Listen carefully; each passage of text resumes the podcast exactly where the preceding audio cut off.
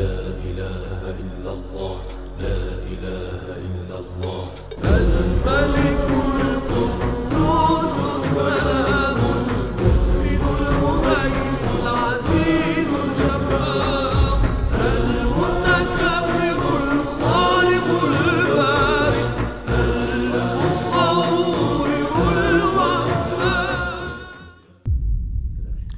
أسرار ومعاني وبركات أسماء الله الحسنى.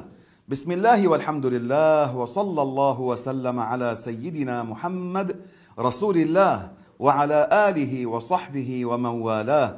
اللهم لا سهل إلا ما جعلته سهلا وأنت تجعل الحزن إذا شئت سهلا.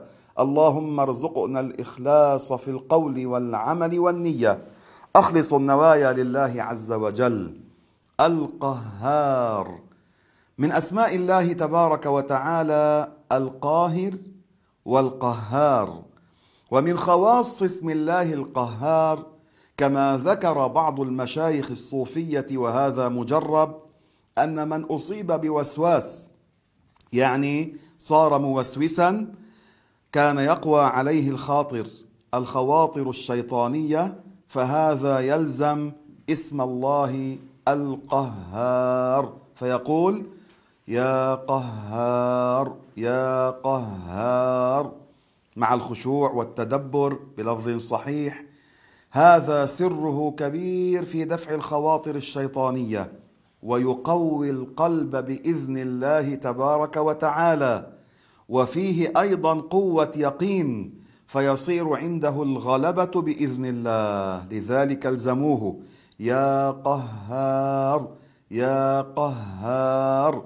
والله تعالى سمى نفسه القاهر وسمى نفسه القهار.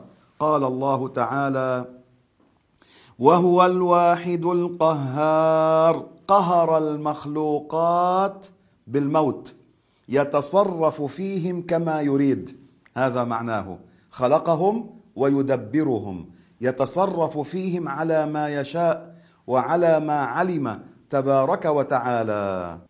فهل رأينا أحدا من المسلمين سمى ولده عبد الجالس؟ لا يوجد لأن الجلوس يكون لمن له نصف أعلى ونصف أسفل. والله تعالى لا يوصف بالقعود ولا بالجلوس ولا بالاضطجاع ولا بالاستلقاء لا كما ادعى اليهود فقالوا إن الله تعب واستراح على قفاه في يوم السبت. هذا ضد القرآن وضد عقيدة موسى وعيسى وسائر النبيين لأن القعود يكون للملائكة للبهائم للجن للإنسان أما الله لا يوصف بالجلوس لكن الله يوصف بالقهر فهو القاهر والقهار. والله تعالى وصف نفسه بالاستواء. الرحمن على العرش استوى. أهل السنة لا ينكرون وصف الله بالاستواء ولكن يقولون على طريقتين.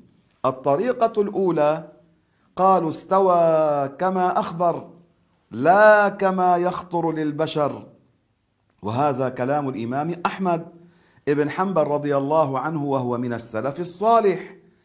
وسيدنا الشافعي قال آمنت بما جاء عن الله على مراد الله. وسيدنا الإمام مالك يقول الاستواء معلوم وكيف عنه مرفوع؟ مستحيل غير معقول. والإيمان به واجب. هذا كلام السلف هذا كلام الأئمة في آية الاستواء. وبعض العلماء من أهل السنة وهم بالعشرات قالوا إن الرحمن استوى أي قهر وحفظ وأبقى. أعطوا كلمة استوى معنى من المعاني اللائقة بالله وهي من اللغة العربية وموافقة لقول الله تعالى ليس كمثله شيء. اذا من أسماء الله القاهر والقهار. سيدنا يوسف صلى الله عليه وسلم النبي الرسول الكريم كما قال عنه النبي صلى الله عليه وسلم هو الكريم ابن الكريم ابن الكريم ابن الكريم. يوسف ابن يعقوب ابن إسحاق ابن إبراهيم. الكريم ابن الكريم ابن الكريم ابن الكريم. صلى الله عليه وسلم.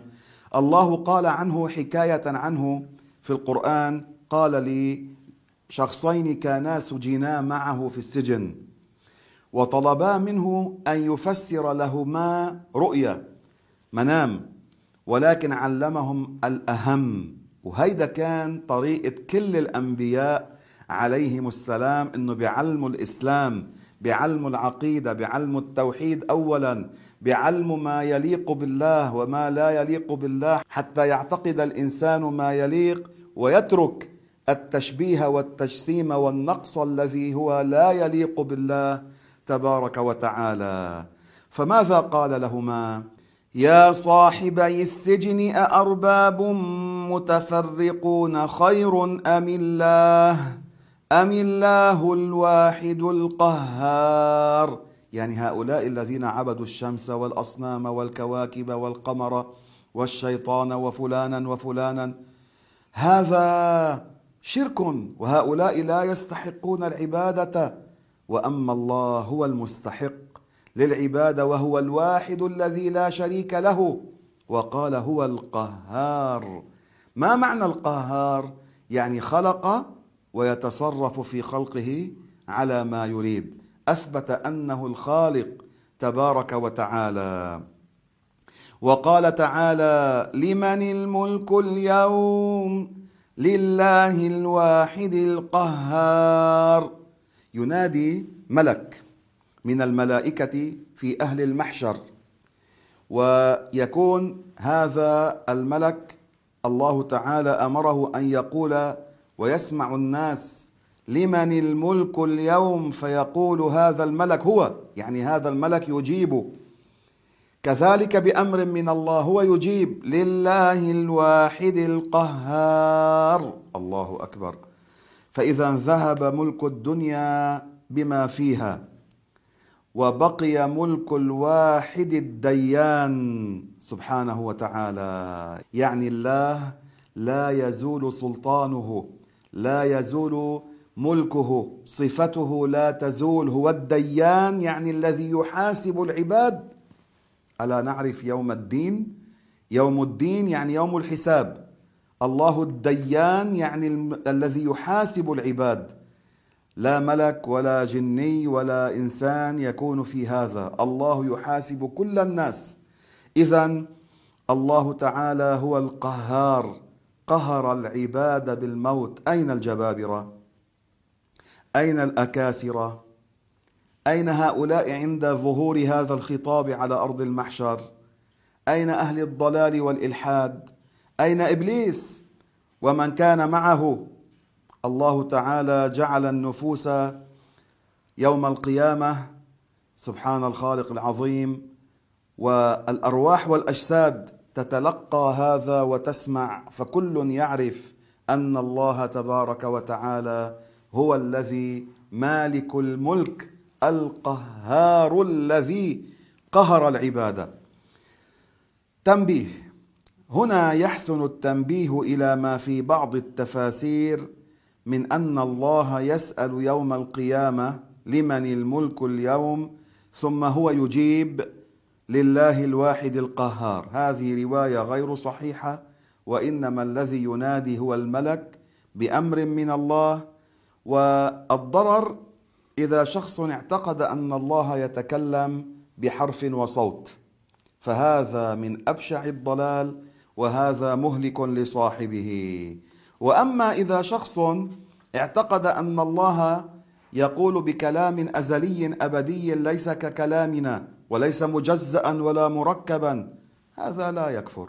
فقد جاء في الحديث ما منكم من أحد إلا سيكلمه ربه ليس بينه وبينه ترجمان.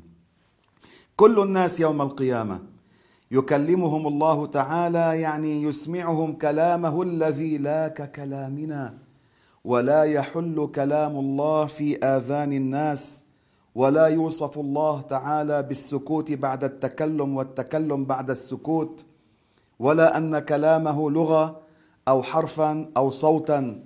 كل هذا لا يليق بالله تبارك وتعالى. مهما تصورت ببالك فكلام الله لا يشبه ذلك. هذا من أصول عقيدة أهل السنة والجماعة في مسألة الكلام. وكذلك في مسألة الاستواء. بعض الناس قالوا استوى استقر. وبعضهم قال جلس. وبعضهم قال حاذا يقولون هو هكذا. منفصل عن العرش. كل هذا ضلال. الله استوى يعني قهر. الرحمن على العرش استوى قهر العرش. ما معنى قهره؟ خلقه ويتصرف فيه كما يريد. هو يمسك العرش بقدرته من غير جوارح من غير مماسة. ولولا أن الله جعله في هذا المكان في هذا الارتفاع لهوى وسقط العرش وتكسرت السماوات والأرض لكن الله حفظه في ذاك المكان وهو سقف الجنة. الإمام أحمد رضي الله عنه وأرضاه لما سئل عن العرش قال هو سقف الجنة. ما قال هو مسكن الله ما قال مكان يجلس فيه الله.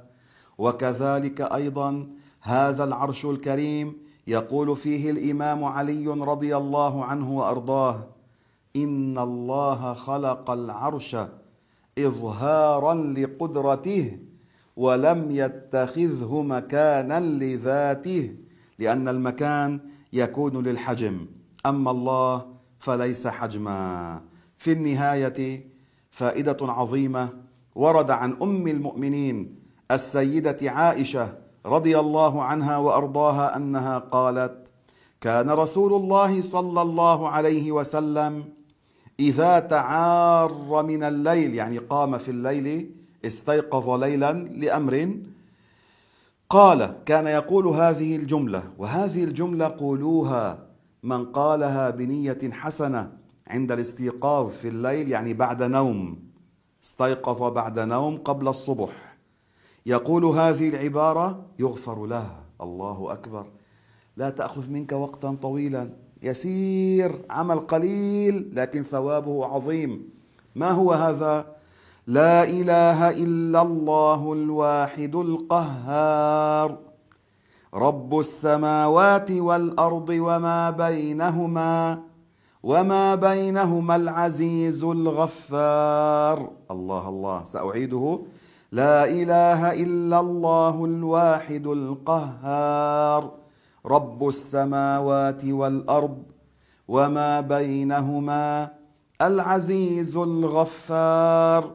اللهم يا قهار يا قهار عليك بأعدائك أعداء نبيك أعداء هذا الدين أعدائنا يا الله يا الله يا الله. ارحمنا برحمتك يا رحيم يا أكرم الأكرمين. لا إله إلا الله لا